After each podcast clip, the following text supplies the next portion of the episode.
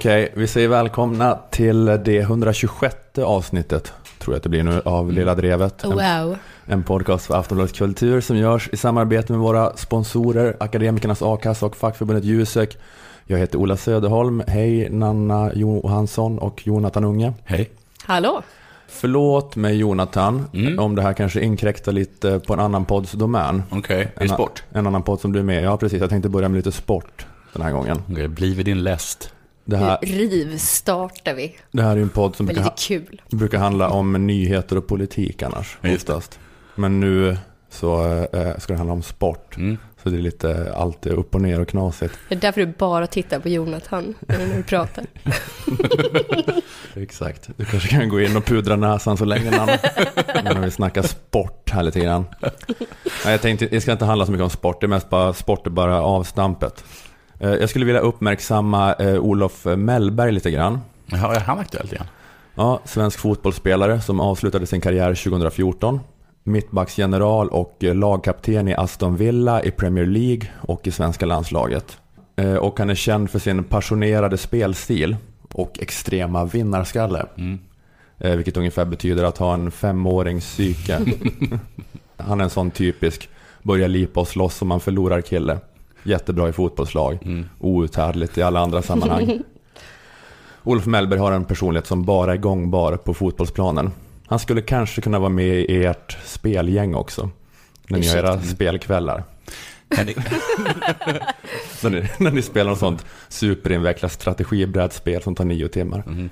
Där, där tänkte, Det låter helt outhärdligt att ha någon som sitter och surar efter fem minuter. ja, men jag, jag, jag jag upplevde att det verkar vara ett gångbart och rimligt beteende där. Att vara helt galet, hatisk och hysterisk. Om, ja, att det brinner i en annans ögon. Om någon drar spelkortet som gör att man kan börja producera järn. Nanne har börjat gråta när vi har spelat. Nej, det har jag Jo, inte. det har du visst det, för du var så ledsen över att du inte vann. Nej, det har jag Jo, inte. det har du. Nej, det har jag inte. Jo, det Nej. har du. Ja, just det, det har jag faktiskt. Jag var superfull. Ja, men vad skönt att vi redde ut det. Att Nanna har börjat gråta, men hon var jättefull. I alla fall, eh, Så himla fegt att skylla på spriten. Nåja, mm, du som, du som, Sverige, du som Sverigedemokraterna. men när alla skriker jude så är det bara för att han var full. inte för att han har förlorat ett spel. Det har jag aldrig skrikit. Nej, Eh, I alla fall, Olof Mellberg, han är numera fotbollstränare. just det. eh, Som spelare ofta blir efter karriären. Han leder division 1-laget Brommapojkarna. eh, Och han har kvar sin extrema vinnarskalle. I senaste matchen mot Nyköping såg han rött och hamnade i en hetsig ordväxling med motståndarbänken om en straffsituation. Han blev uppvisad på läktaren och kommer vara avstängd i den avslutande matchen, seriefinalen mot Vasalund. Så här skriver Aftonbladet om händelsen, citat. Under söndagen hamnade den före detta landslagsbacken i en hetsig ordväxling med Nyköpings assisterande tränare, amerikanen Brian Clairhot. Sätt dig ner och lär dig svenska din lille skit, ska Mellbergs ord ha lydit. Han förlorade det. Och jag känner mest att jag vill utnämna Olof Mellberg till veckans hjälte för det här. Det var så skönt att någon till slut sa det till en amerikan. Lär dig svenska din lille skit. Jag är så jävla trött på dem, amerikanerna. Eller inte bara amerikaner kanske, men Det är engelsmän också. människor från anglofona länder. Ja. Samma skit, olika namn. De är framför allt ett problem när man är i Stockholm. Att det blir mer och mer omöjligt att få service på ärans och hjältarnas språk. Jag hyrde en cykel en gång i Stockholm av en underlig anledning. Och då träffade jag på en kille som hade bott i Sverige i 20 år. Kunde ett ord svenska. Amerikan såklart. Ja, och eh, jag är inte, jag ska säga, jag är inte den första som påpekar det här. Eh, ska jag säga, så att jag inte blir anklagad för spaningsstöld. Jag tror att Hanne Kjöller utav alla skrev något om det här i DN. Om den här farsoten av amerikaner inom serviceyrken i Stockholm. Men det är en så påtaglig trend tycker jag att eh, ingen kan ha ensamrätt på den spaningen. Det är som att äga SJ dåliga spaningen. Ja. Det är, den är allmän. Det, är det är tradd arr, den spaningen.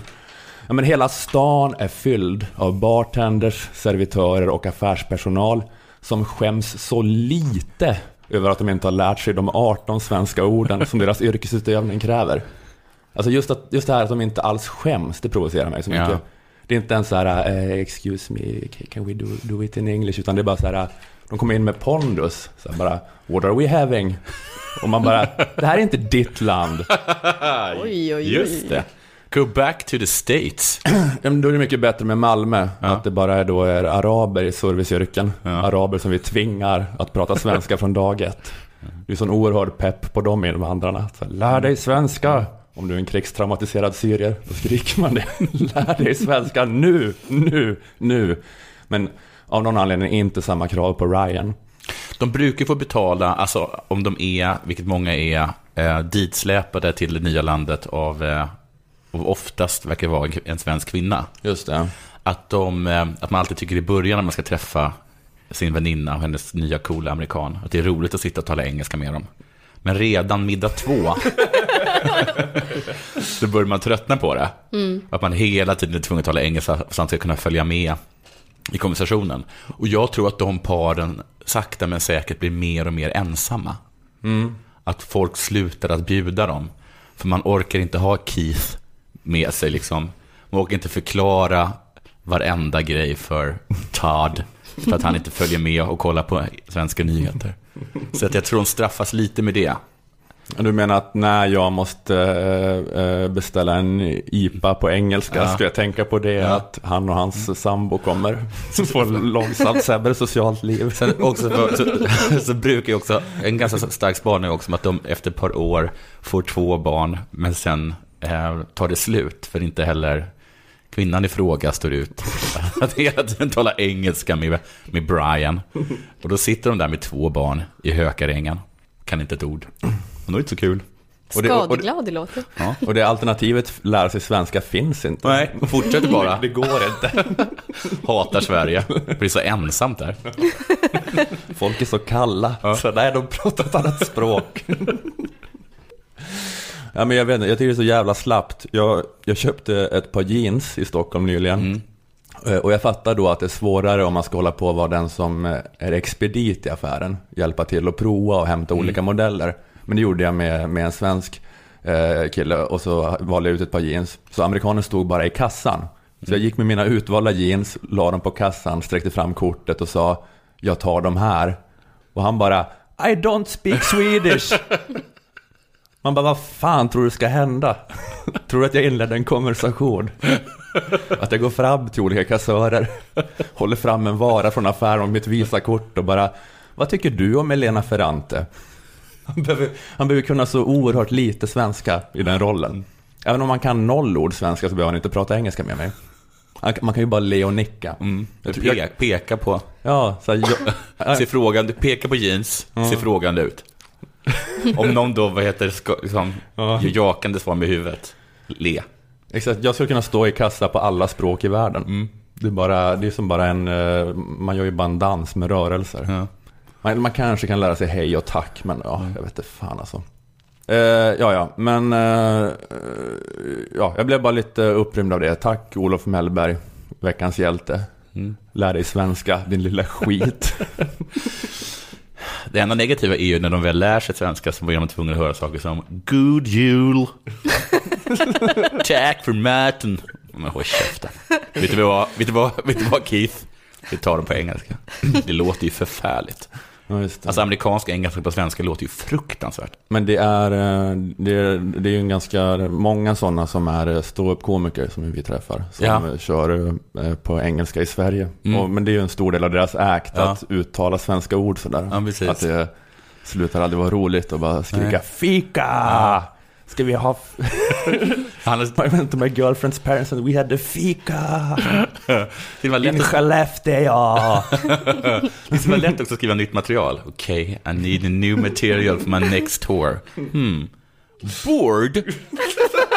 What is a board? Isn't it called a table?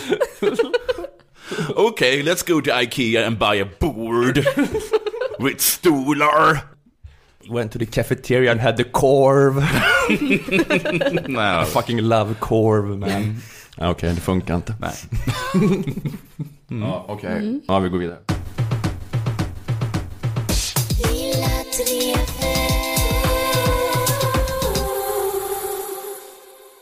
Sverige fick eh, besök i veckan av ingen mindre än påven Franciscus som hälsade på här i vackra Skåne. Var ni glada över det? Jo, tack. Ja, Log ni som rosiga korgossar vid blotta tanken på att påve Franciscus skulle vara här? nej det vill jag ta i. Eh, och det gjorde inte heller folk i eh, allmänhet. Det kom faktiskt färre och tittade på påven i Lund än vad det kom till en av Måns Zelmerlöws konserter. Eh, Måns Zelmerlöw är från Lund. Lundaborna tycker alltså att det är mer spännande att stå och glo på en av sig själva, som de kanske sett på ICA tusen gånger redan, än vad det är att kolla på påven. Okej, men jag trodde att det var eh, kaos med folk, men det Mm, de var det hade inte. trott det. Eh, Lunds kommun hade räknat med att innerstan skulle fyllas med så mycket som upp till 150 000 människor under påvens besök. Och så kom det cirka 10 000. Oj, vad pinsamt. De specialbeställda bajamajorna som de har ställt i hela torget, de blev knappt använda. Alla stånd med så här lakritsremmar. Som inte ens sålde liksom vad biljetten till Lund kostar. Ja. Eh, Det är en, ganska- en sorglig bild med 4000 bajamajor Ja, som det står där. Ett ledset kommunalråd framför 4000 bajamajor. Jag gissar ändå att någon katolik gick och gick på 40 av dem. Kostade ändå ganska mycket. Men eh, okej, vilken jävla felberäkning. De trodde på 150 000 alltså. Hur har han kommit fram till Ja, denna? jag tror de har Det finns räknat på att det 100 000. finns 150 000 katoliker Ja. i Sverige. Och då alla de skulle bara släppa allt de hade. Alla de från liksom, eh, nordligaste Norrland ska bara liksom vallfärda ner till Lund och använda bajamajor. Han gjorde något rätt då, Gustav Vasa. Ja, precis. Har ni hört talas om reformationen? Skulle man vilja säga till de som planerade det här. Eh, Men det här eh, ganska svala intresset eh, gjorde mig positivt överraskad och glad, för det tyder ju på att folk helt enkelt inte köper påvens grej. Eh, Som vi sa så är ju antalet katoliker i Sverige inte så stort, men man kunde ju ändå tro att folk i allmänhet skulle bli helt till sig i trasorna av att en så celeber och folkkär person skulle besöka deras rötna gamla domkyrka. Det är ändå en, en eh, person som har fått liksom väldigt mycket så här stjärnglans Ja. runt sig. Alltså kreti och pleti var ju verkligen där. Kungen och Löfven och Alice Det är väl- Kuhnke. Verkligen inte kreativt. Nej, förlåt. Crème de la crème de la crème. Äh, du, äh, du, du tycker att det låter bättre med Dåliga kreti och grejer att blanda ihop. Om du vill göra det förstådd. Alltså, nu tycker jag det låter bättre med kreti och pleti. Kreti och pleti i alla fall där. Ja. Nej men man trodde också det, eh, särskilt med tanke på hur media gick fullständigt bananas över det här besöket. Eh, de körde ju sån minut för minut rapportering med infografik över påvens minsta förflyttning. Eh, här är några rubriker. Så här såg det ut när påven landade i Sverige. Tidsschema. Detta gör påven i Skåne. Här är påvens stora specialchartrade plan. Åtta saker du inte visste om påven. Selfies och skämt i påvens plan. Så hamnade påven i Skåneklubbens golfbil. Quiz. Vad vet du om påven? Tio omskrivna citat av påve Franciscus. Här vinkar påven till Skellefteås hockeytalang. och så vidare. Eh, på riktigt så såg jag att man genom Sydsvenskan kunde följa påvens flygresa hem till Vatikanen i realtid. Det vill säga sitta och kolla på en sån där liten flygplanssymbol som jättelångsamt förflyttar sig över en Europakarta. Så man då kunde försäkra sig om att han inte kraschade. Vi- vi- vi- Vilka hade den sa du? Eh, Sydsvenskan bara, här kan du följa. Ja. En, Dyra- fly, en flygresa mellan Sverige och Italien alltså. Ja. Dyra så här, vet du, flygplansfotosvepningar över 4000 bajamajor. Niklas Svensson åker helikopter. Över 4000 tomma bajamajor. Nej, men så peppade var media på påvens besök, men folk i allmänhet lät sig inte ryckas med i hypen. Eh, och det gjorde mig som sagt ganska glad. Eh, för en gammal grej eh, som jag har stört mig på är hur lätt det är att vara en progressiv och älskad påve. Det är typ lika lätt som att vara en cool pensionär. För en pensionär räcker det att ställa sig på en skateboard så är man hemma. Man är coolast på ålderdomshemmet, man får en massa high-fives från ungdomar. Man behöver inte ens stå på den där skateboarden, man kan bara fångas på samma bild som en skateboard. Så räknas man som en cool pensionär. Så jävla skön. Eh, och lite så är det med påven och progressivitet. Det krävs så himla lite. För påve Franciscus räcker det med att bara vara lite mindre mossig än sina föregångare för att han ska framstå som superprogressiv. Han kanske säger, man ska inte hata bögar, alla gråter av lycka. Men han är liksom fortfarande emot att bögar ska få gifta sig. Han debatterade väldigt starkt för det när han var biskop i Argentina. Men till skillnad från alla andra framträdande katoliker så uttrycker han sig pyttelite mer smooth och blir därför en symbol för progressivitet. Han räknas ju också som ett under av eh, ödmjukhet för att han bor i en tvåa eh, till skillnad från alla andra som har bott i någon slags slott. Och också liksom går runt i väldigt enkla silversmycken. Mm. Men vet ni en annan som också bor trångt och har enkla smycken?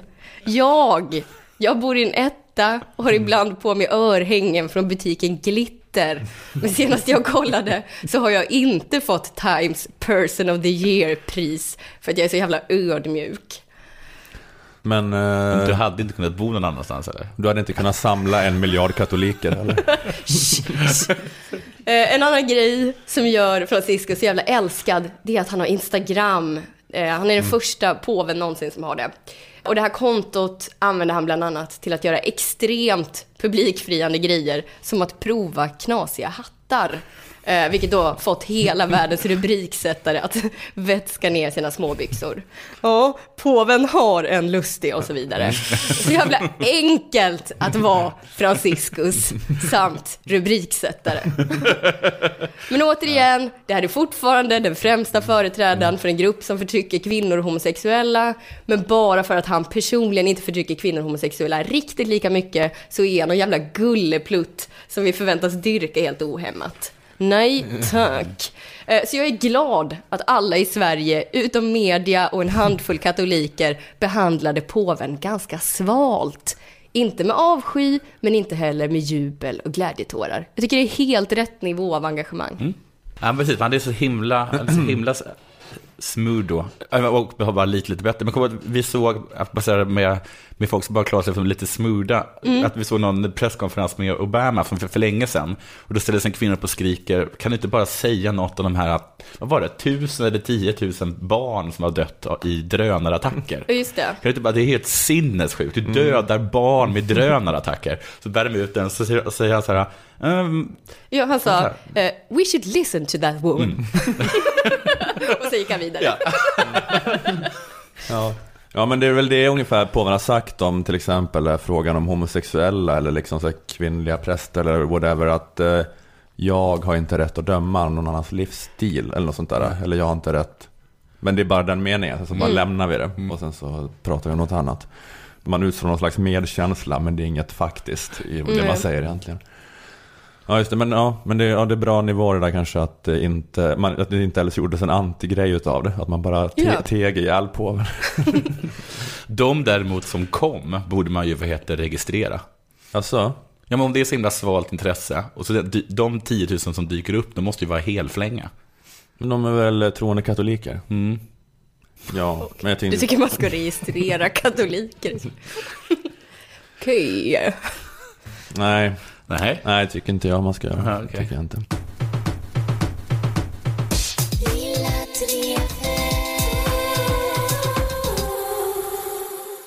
Okej, det har varit lite utgiftsskandaler på senaste tiden inom den svenska politiken. Den förre statssekreteraren Erik Bromanders resekostnader ledde till att han fick avgå. Mm. Kanske kommer ihåg. Och nu har uppgifter om en annan ministers utgifter kommit fram i ljuset.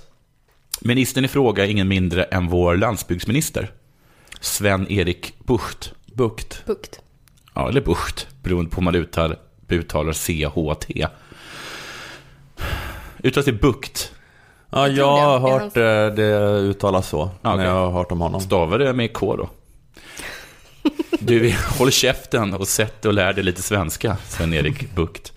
Vi ändrar det så, så det står med K i dina manus. Bra. Sven-Erik Bucht, född 1954 i Norrbottens län, jobbade innan han blev politiker som dansbandsmusiker. Jaha, mm. okej. Okay. Jag vill att ni ska lära känna honom lite innan mm. vi kommer till det vi ska tala om. Årets svensk 2007. Jaha. I ett, några stycken från Fokus i samband med utnämningen som Årets svensk så finns det då lite del som säger en hel del, där vi får lära oss en del om Sven-Erik Bucht. Vad blev han Årets svensk? Ja. Var för att han var ett så framstående kommunpolitiker i Övertorneå? I, ja? Övertorneå, Haparanda, ja det är samma sak va? Nej. Nej, det är inte, men det ligger ganska nära. Ja. Eh, där, nu kommer, jag, nu kommer jag på. Nåja, eh, där står det så här. Det är VIP-invigning av Sveriges nordligaste och östligaste ICA Maxi-butik.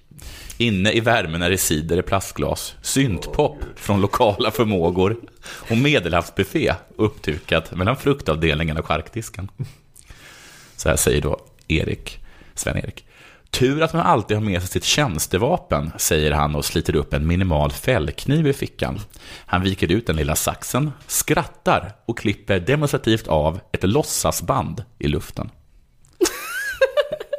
Att han inviger Ica Maxi? Ja, Men de eller så- hade inte något eh, riktigt band. Nej, eller så bara gör han det framför den här reportern. Ja, ja, ja. Jag vet inte. Kanske- ba- reportern backar långsamt ut ur rummet. SCB, som jag kallar honom, var också den som fixade ett IKEA-varuhus till Haparanda. Genom att personligen ta kontakt med Ingvar Kamprad. Citat i fokus. Vid invigningen av IKEA i november förra året höll Ingvar Kamprad Sven-Erik Bukt stadigt i båda händerna och förklarade att de helt enkelt blev kära i varandra. Vad mer vet vi? Vi vet att han tjuvröker, var, i sin gråa lilla Mercedes. Han tvingas en reporter att bada bastu och sen tvingar han fotografen att ta en bild av honom i bastun. Alltså bukt, bukt då. I, alltså i, i bara handduk eller? Eh, med en liten björkruska framför eh, ädeldelarna. Kort om hans barndom. För lille bukt. Kort om hans barndom. Eh, Citat i fokus. Unge Bukt var en vild pojke som hade svårt att sitta still. En dag när läraren kom in i klassrummet saknades Sven-Erik. De andra i klassen skrattade och pekade upp mot balkarna i taket. Där hände, hängde Sven-Erik Bukt i armarna som en apa.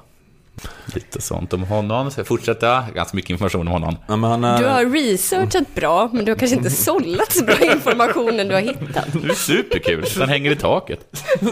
Som vad då? Det är bara... Det är bara En fladdermus? Nej, det tror jag inte. En apa. Det, det, det är att läsa Wikileaks utan att en journalist har liksom varit emellan och gjort ett urval. Han blev Så poli- Sven-Erik Bucht Leaks. Nu till varför han blir engagerad i politik. Jag citerar Fokus. Att han blev partipolitiskt engagerad beror på att han blev arg. Inte på USAs agerande under Vietnamkriget som många i hans generation, utan på hans bordtennisklubb inte fick använda skolans pingisrum på kvällarna. Då gick han med i SSU, så drev han frågan tills han fick tillåtelse. Hur som helst, lite sum- summering då, om man läser den här artikeln. Han är väldigt omtyckt, han är snabb i tanke och i repliken. Han hatar gränser, säger han. Och under en sommar kan han göra upp till 60 stycken Millions of people have lost weight with personalized plans from Noom, like Evan, who can't stand salads and still lost 50 pounds. Salads, generally, for most people, are the easy button, right? For me, that wasn't an option. I never really was a salad guy. That's just not who I am. But Noom worked for me. Get your personalized plan today at Noom.com. Real Noom user compensated to provide their story. In four weeks, the typical Noom user can expect to lose one to two pounds per week. Individual results may vary. Björkruskor. Allt det här är från Fokusartikel. Och björkruskor är det man slår sig med i bastun Ja, eller? han har till och med gjort en liten åt sitt barnbarn. Världens bästa morfar. Sven-Erik Bucht. Barnet var alltså nyfött, så att jag vet inte hur bra han är som morfar. Herregud, vad är morfar i barnbarnet? Vad är det här för eh, present? Är det en gullig body från morfar? Det är en liten björkrusk viftar på en bebis. Där har ni Sven-Erik Bucht. Men nu har han i alla fall blivit granskad av ATL, som jag tror är någon sorts landsortstidning, eller, eller lantbrukartidning.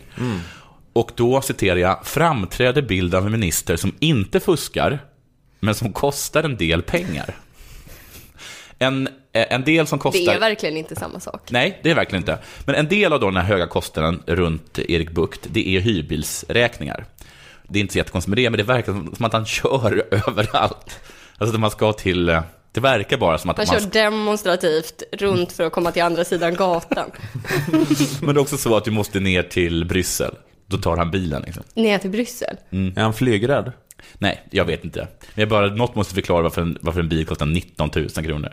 Då gissar jag att han har bara dragit ner till, till Bryssel med den. Det är ju så lite typiskt norrländskt, det är inte det? Jaså, ner till Bryssel? Mm. Du hyr väl en bil? Och så kör man bara på tjack i streck. Precis. Men, men det som verkligen sticker ut är nog något som eh, eh, Sven-Erik Bucht eh, skäms över. Kostnaderna för hans språkkurser på lite mer än en kvarts miljon. Det är nämligen så att Sven-Erik Bucht inte kan engelska. Ah, mm. Det, det blir nog lite jobbigt.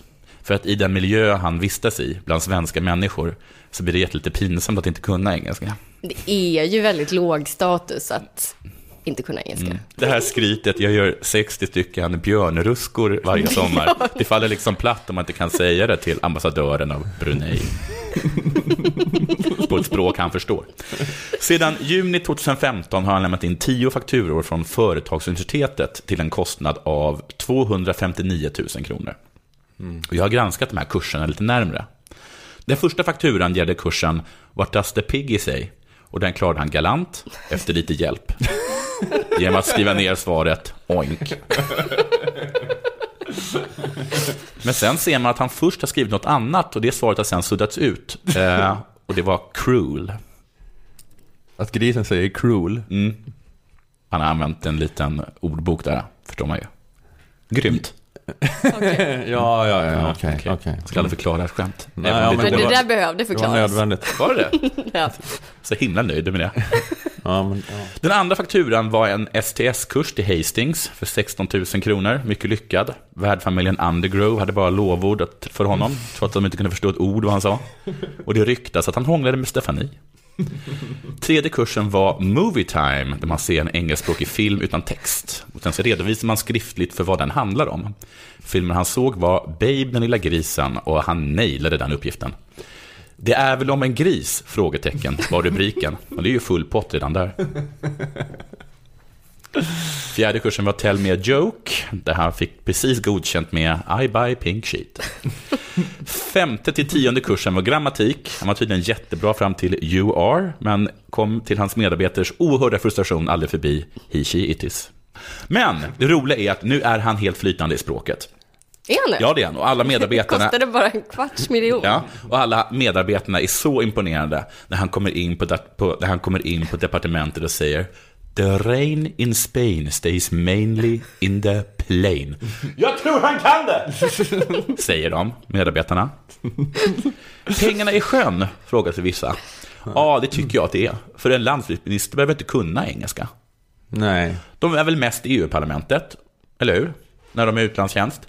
Och det var någon finsk minister som gick upp i EU för ett tag sedan och bara talade typ låtsas engelska. Och det gick hur bra som helst. Ingen fransman kan engelska. Allt blir översatt i alla fall. Ja. Även om du kan tala engelska så är man ju tvungen att översätta till liksom 80% av alla eh, ledamöter som är i det där, i det där liksom parlamentet. Ja, men jag har hört att de vanliga EU, svenska EU-parlamentsledamöterna har fått kritik för det för att de har för mycket självförtroende, att de pratar bra Ah. engelska fast de inte är så bra. Oj. Så säger de så här, we, I can take it in Ah, English. gud, och kan så pratar de bara lite dåligt, men Ja. ni kan lika gärna prata svenska för vi har alla översättare Ja, här. ja, så bara blir det ordentligt istället. Så att då är det bra att ha en sån här äh, Tornedalsfinne som inte ens försöker. Precis, och dessutom gör det ingenting att eh, Sven-Erik Bucht inte kan engelska eftersom alla andra kan engelska. Så det är ingen brist på tolkar åt honom. Enda problemet är att resten av regeringen brukade tala engelska när de snackade skit om Sven-Erik Bucht. Samtidigt som han var i rummet. Så himla bra. Ja, just God det. damn, his, det var, that was a stupid uh, suggestion. Vad säger ni? Nej, ingenting. Vi tar det med. Eller att de så måste diskutera om vi ska ha efterrätt kanske på engelska. Så att ifall Sverige-Erik får reda på att det ska bli efterrätt så ballar han ur. Medan de Mums, mums, mums.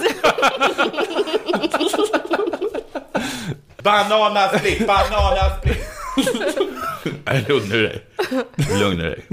Så det går ju inte längre. Så nu måste de byta till franska. Och ni kan ju tänka er vad det kommer kosta.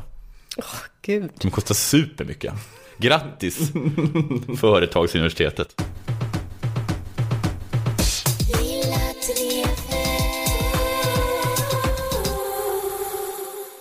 Vi säger tack till våra sponsorer, Akademikernas A-kassa och fackförbundet Jusek. Alla som säljer eller försöker sälja sin arbetskraft bör vara med i A-kassan. Och är du eller är du på väg att bli akademiker ska du gå med i Akademikernas. Det kostar bara 100 kronor i månaden. Nästan ingenting. Lika mycket som det kostar att borra ett par brunnar i Afrika eller Ja, något. Man ska inte jämföra med det. Man, det, det är fel. Har ni råd att, le- har ni råd att borra brunnar i Afrika så har ni råd med det här. Lyxfällan kommer in och styr upp. Det kostar lika mycket som ett glas vin på krogen. Det var det jag skulle säga. Eh, Men det ger dig då en eh, inkomstförsäkring som gör att du får upp till 20 000 kronor i månaden om du skulle befinna dig mellan jobb.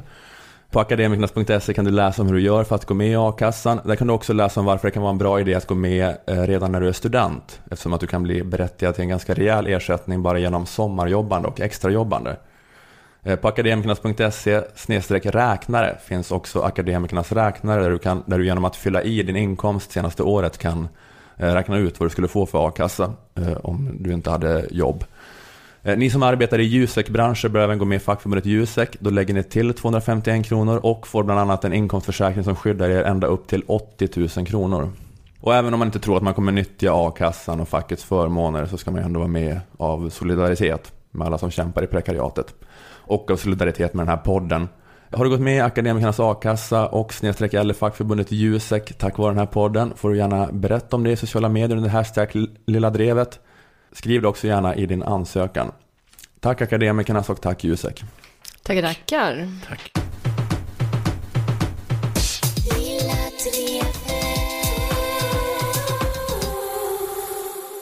Jag tänkte prata lite grann om eh, invandringens kostnader. Mm. Eh, Jag har till och från senaste dagarna följt den eh, ständigt pågående debatten och ilskan på Twitter mellan Aftonbladets ledarskribent Fredrik Virtanen Mm. och eh, de som tycker att han ägnar sig åt vansinnig vänsterpopulism i frågor om invandring, ekonomi och skatter. Och en sak som har fått känslorna att svalla lite extra mycket på sistone, det är det här citatet från en Virtanen-ledartext för några dagar sedan. Citat. De som bara ser invandring som ekonomi kan få vilka argument de vill. Det finns nationalekonomer till allt. Liberala ekonomer beräknar att invandringen inom 5-10 år ger vinst i statskassan. Högerekonomer beräknar att det tar längre tid. Sverigedemokratiska ekonomer beräknar att invandring aldrig slutar kosta. Slutcitat. Eh, Och där fick bland andra Tino Sanandaji att gå i taket. Känner ni till honom? Ja. ja. Han är nationalekonom och debattör som eh, brukar varna för invandringens kostnader och att invandring medför svåra ekonomiska och kulturella problem som etablissemanget försöker mörka. Han är ju då väldigt eh, älskad i de kretsarna, väldigt citerad av de som är emot invandring. Han tycker att det är trams det Virtanen påstår, att ekonomer säger lite vad som helst om invandringens kostnader. Han menar att alla seriösa ekonomer pekar i samma riktning. Sanandaji skriver, citat, Samtliga akademiska studier om invandringens effekt på offentliga finanser i Sverige visar på en nettoförlust. Inklusive, och så lite referenser här, Ekberg, Gustafsson och Österberg, Storeslätten, Röjst, Röjst och Flod samt Aldén och Hammarsted. Det existerar ingen svensk forskningsstudie som visar vinst för statskassan. Däremot pamfletter av ideologiska tankesmedjor där vem som helst kan påstå vad som helst. Slutcitat. Eh, Och jag är inte den som kan bekräfta eller vederlägga det här påståendet av Sanandaji. Att alla akademiska studier pekar i den riktningen. Men jag har ju på senaste tiden ägnat mig lite grann åt Joakim Röist. Okej. Som eh, han citerar här. Minnesgoda lyssnare kommer kanske ihåg Röist från förra avsnittet. Eh, han var, var du här Jonathan? Ja, det tror jag att det var. Han, migrationsforskaren och nationalekonomen som vill avskaffa asylrätten. Just det. Fast han vill avskaffa asylrätten då med motiveringen att han tror att det skulle leda till att EU tog emot fler flyktingar. Det pratade jag om förra veckan. Men han har också då forskat på hur invandringen påverkar svensk ekonomi. Eh, Han pratade om sin eh, forskning på eh, migrationsdagen. Ett seminarium om integration och migration arrangerat av Institutet för framtidsstudier, Dagens Arbete och Forskning och Framsteg. Som sändes på SVT Forum för ett par veckor sedan. Eh, med anledning av att jag tog upp det här med Sanandajis hänvisning till Röist eh, var att jag tänkte att vi bara kan ha med oss det att Röist är inte vänsterpopulisternas lilla hustroll då. Nej. Utan också de som eh, driver på hårt för, eh, mot invandringen. För en restriktiv invandring tycker också att han är eh, typ seriös. Men på den här migrationsdagen då, på det här jätteroliga åtta timmars programmet jag såg på SVT Forum. Så Gud, försökte, vilket mys för dig. ja, det är skönt att bara binge-titta ibland. Ja. Vi satt med dina knäckemackor, Ja, kall buljong. ja det, blir, det blir aldrig gammalt. Nej, det blir faktiskt inte. Men ehm, Jo, men ja, på den här migrationsdagen så eh, han körde något slags frequently asked questions. Han skulle besvara vanliga frågor. De vanligaste centrala ekonomiska frågorna rörande invandring.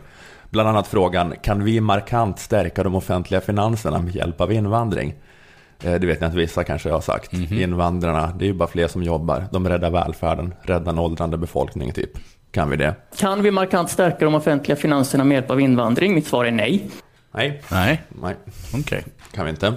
Eh, han är tydlig, så, eller koncis. Eh, nästa centrala ekonomiska fråga om invandringen. Nästa fråga, lika kategoriskt svar på den. Har vi råd med flyktinginvandringen? Ja, det har vi. Ja, det har vi. Jaha. Det han understryker är alltså att det går inte riktigt att säga vad flyktinginvandring kostar för att de effekterna på ekonomin är så svåröverblickbara. Men det går att räkna på en offentlig finansiell omfördelning. Hur mycket skatt betalar gruppen flyktinginvandrare in? Minus hur mycket bidrag tar gruppen emot eh, från de offentliga trygghetssystemen. Och då är det så att hela Sveriges flyktingpopulation, alla människor som kommer till Sverige som flyktingar eller anhöriga till flyktingar fram till 2015 mottar sammanlagt en årlig offentlig finansiell omfördelning på 50 miljarder kronor. De tar liksom emot mm. 50 miljarder kronor mer från det offentliga än vad de betalar in i skatt. Okay. Vad är då 50 miljarder kronor? Vad jag skulle säga att det här är, det är väsentliga pengar förvisso. Men utan tvekan är det så att om vi hade haft 50 miljarder till att kunna lägga på bättre äldrevård eller bättre sjukvård så visst hade vi märkt skillnaden. Så visst är det här pengar som räknas. Men det är samtidigt som svar på frågan har vi råd med flyktinginvandringen? Det är väldigt långt ifrån att vara en summa som skulle tvinga fram att vi skulle ändra på välfärdsmodellen i någon mening. Så nu kan vi inte ha socialbidrag på det här viset längre för det kostar för mycket. Vi måste göra om den svenska välfärdsmodellen. Där är vi inte och så tolkar jag frågan. Har vi råd med flyktinginvandringen? Sverige kan fortsätta se ut som Sverige trots den höga flyktinginvandringen. Så det är superdyrt men det knäcker inte vår rygg? Ja, han använder inte ordet superdyrt heller. Det är dyrt. Ja, det är, ja, det är, det är lite pengar. Mm. Det, det, det, vad är det? Det är en halv Nuon-affär. Mm. Eller sånt där. Det är 50 miljarder, men det, det är ingen sån eh, systemkollapsnivå eh, alls. Ehm, men och, och att det här att vi har råd, det bygger också då på att Sverige varje år i 30 år har haft västvärldens högsta flyktinginvandring per capita. Där ligger ett ganska intressant budskap till resten av Europa som kanske under den här tiden flera länder legat på bara en tiondel av Sveriges per capita-invandring och som nu säger vi har inte råd med mer. Alltså det är ju bara nonsens mot bakgrund av att vi klarar det här rätt bra i Sverige. Man kan säga att Röist menar att bägge sidor i debatt, debatten ägnar sig åt önsketänkande när det gäller ekonomiska konsekvenser av flyktinginvandringen. Att man vill beskriva det som ekonomisk vinst eller mm. ekonomisk undergång, men det är inget av det. Och det är så bara tramsigt att tjata om det, för det är ingen som är för eller emot invandringen av den anledningen ändå. Okej, okay, det är bara, okay, det är inget, inget gångbart argument. Ja, men ingen som, man är ju för av humanistiska ja. skäl, ja, eller så är man mot av något värderingsskäl, sen mm. så håller man ju på och eh, ja, hitta argument. hitta argument. Mm. Alltså det funkar inte med den här systemkollapsen som svepskäl. Eh, han menar ju att anledningen till att det, att det är viktigt att flyktingar kanske får jobb och sysselsättning och kommer in i samhället så fort som möjligt, det är för att eh, undvika sociala klyftor och getton och motsättningar mellan människor. Det är inte att vi måste få dem i arbete för annars kollapsar våra finanser. Om man bara oroar sig över dem, då kan de lika gärna fortsätta vara utan arbete näst, eller inte li, men nästan, alltså det är ingen avgörande betydelse, så kan vi bara ha några no-go-zoner i landet, typ som i USA. Ja, men det är ju jättetrist. Mm. men, det är, men det är ingenting som får statsfinanserna att kollapsa. Nej. Som det har, det har det ju aldrig gjort i USA. Nej, funkar, USA går inte under för att man inte kan vara i Detroit på, äh, efter klockan nio. Mm, nej, precis. Du, du har mm, några ställen du inte ska åka till. Mm. Annars, det är, inte, det är ingen kollaps på det viset. Vi har en jättestor kontinent. Måste du vara i Detroit just det här klockslaget? Så att det, är mera socialt liksom, än ekonomiskt som man ska oroa sig i så fall för. Eh, ja, det har jag redan sagt. Eh, ja, men så han säger att eh, ekonomin är inte det viktiga här. Men han har sen ändå ett argument eh, för att flyktinginvandringen har en avgörande betydelse för den svenska modellen. Som i sin tur då är en avgörande faktor eh, för att Sverige ska kunna ha en stark ekonomi. Jag tycker det är intressant att tänka på den svenska modellen alltså som någonting riktigt, riktigt djupt. Som, som någon sorts attityd som har byggt hela Sverige. Någon sorts attityd att vi hjälps åt och försöker göra det här tillsammans och vi tar hand om dem som det är synd om och vi, det är liksom mindre eh, varje man slåss för sig själv. Ja, svenska modellen, det är något riktigt djupt. Mm. Det är något mytiskt väsen. Det är en attityd. Det är en anda som genomsyrar allt och ur den kommer då välfärdsstaten, lönebildningen på arbetsmarknaden och en generös flyktinginvandring. Eh, att det finns då en modell som säger att man ska hjälpa människor som inte klarar sig så bra själva. Och att man inte ska behöva hjälpa dem personligen, utan att man hellre betalar för att de ska bli hjälpta av någon annan. Man vill inte träffa någon, men man betalar gärna en miljard i skatt för att någon man inte känners barn ska få gratis pianolektioner. Men jag ska spela ett lite långt klipp här då, men han pratar om det här med eh, vad modellen betyder. Det intressanta svaret på hur, hur flyktinginvandringen påverkar den här modellen. Så att, ja, det, nu har jag pratat här om någon sorts kortsiktig ekonomisk påverkan, att någon sorts välfärdsmodell sätts under lite press med några extra tiotals miljarder som, som det kostar. Men jag tror att på lång sikt för att upprätthålla den här attityden som har byggt Sverige och som väldigt mycket av det som gör Sverige starkt idag kommer ifrån, så måste vi liksom fortsätta. Vi måste, vi måste fortsätta underhålla detta och fortsätta. Nu finns det miljontals människor i Sverige, i världen, som är på flykt och behöver någonstans att komma till. Då behöver vi ta emot en väsentlig andel av de här människorna och få komma till Sverige för att fortsätta känna att jo, men det är det här bygget vi håller på med. Det är det här solidariska bygget där vi hjälps åt, som är Sverige, som vi fortfarande bygger. Vi säger inte att den här solidariteten, vi, vi, alltså den vägen som Danmark går är ju lite mer att, att säga att den här solidariteten ska stanna vid landets gränser. Och jag tror inte det riktigt funkar i längden. Jag tror i längden så börjar man bryta ner solidaritetstanken inom landet också, om man inte låter den krypa ut ur landet. Ja, så han menar att eh, vi måste bland annat då ha en generös eller relativt generös flyktingpolitik eh, för annars eh, bryter den svenska modellen samman. Att mm. allt bygger på att vi känner oss goda och solidariska. Börjar vi känna oss inåtvända och småsinta och var och en bygger en mur runt sig själv så raseras all tillit som håller uppe det svenska samhällskontraktet och också då eh, förutsättningarna för en fungerande ekonomi. Att sätter man en för skarp gräns för sin solidaritet så blir det svårt att eh, upprätthålla tron på solidariteten överhuvudtaget. Men jag tyckte att det var kul för det är alltid anti-invandringshögens argument mot sina motståndare att jävla team godheten. Mm. Team godheten, ni tar inget ansvar för Sverige, ni bara vältrar er i er egen godhet. Men Joakim Röis säger att Jo, det är precis det vi gör. Tar ansvar för Sveriges ekonomi. Det gör man genom att vältra sig i sin egen godhet. Ja. Det är en förutsättning för att Sverige ska fungera även ekonomiskt, att vi är höga på vår egen förträfflighet hela tiden. Den här livslögnen är det som gör att vi funkar. Det är våran USP. Ja. Det är det svenskaste av allt. Det är svenska samhällsbyggets liksom förutsättning att alla i Sverige går runt i något delirium. Bara, jag är svensk, Tage Danielsson, Bamse. jag, är, jag är bättre och mer moraliskt högstående. När vi tar in flyktingar skapas masspsykosen av godhet, som i sin tur då skapar tilliten, som all forskning visar har en avgörande betydelse för att eh, en ekonomi ska fungera.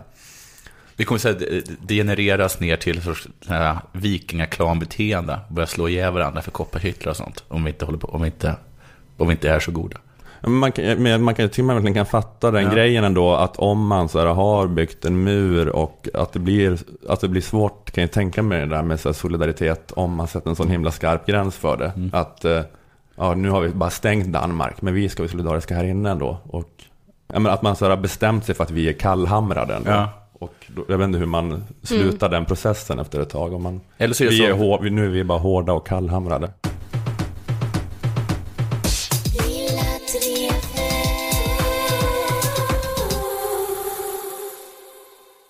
Jag vill göra reklam för min, eh, för min specialare, som inte är en specialare tydligen.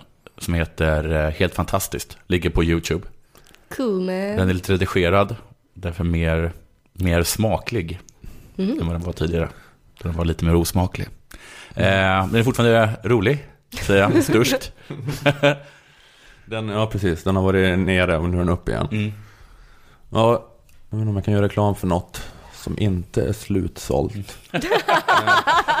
jag tror att det kanske är biljetter kvar till Uppsala nästa vecka. Eh, vad är det? 9 november tror jag. Oslipat Uppsala.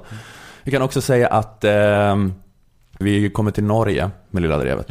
Snart. Vi ska vara på Skandinavia-dagen på Bergens bibliotek eh, nästa fredag. Sorts kommunistfest, av vad jag förstod när du läste upp de andra som skulle vara där. Ja, det, det får stå för dig. Men eh, det, jag, jag vet inte, det, det, vi ska i alla fall podda inför publik där. Så ifall det finns eh, lyssnare i Norge så får ni gärna komma dit. Vi ser fram emot att få dit alla norrmän. också allt svenskt tjänstefolk. Just det. Vi hoppas att era norska herrar kan ge er ledigt en timme så ni kan komma och lyssna på oss. Det finns, ja men om ni går in på Lilla Drevets Facebook-sida så finns det en länk till eh, eventet där. Eh, eller ju- just det, jag skulle säga att det är nästan ingen som följer med till Norge, eller? Det var bara jag och Moa som kunde. Ni kom inte, eller hur? Nej, Nej. men Dilan kommer väl? Dilan Apak hoppar in, ja. Ja. precis. Eh, så. Det blir kul. Slut på information till Norge. Vill du säga något eller? Nej. Eller vår podd kanske. Vilken säljare. Nanne har också en spelpodd som heter Spela spel. Vi ska börja på. streama. Det Just vill det, säga det har vi sagt massa gånger. Spela, inte i den här podden. Nej. Spela eh, dataspel eh, live. Mm. Om man vill titta på det. Jag vill. Ola vill se. Säger tack till Aftonbladet Kultur, tack till Akademikernas A-kassa, tack till fackförbundet Jusek. Jag heter Ola Söderholm, ni heter Nanna Johansson och Jonathan Unge. Eh, Vi hörs igen nästa vecka, hej då. Hej. Hej, hej.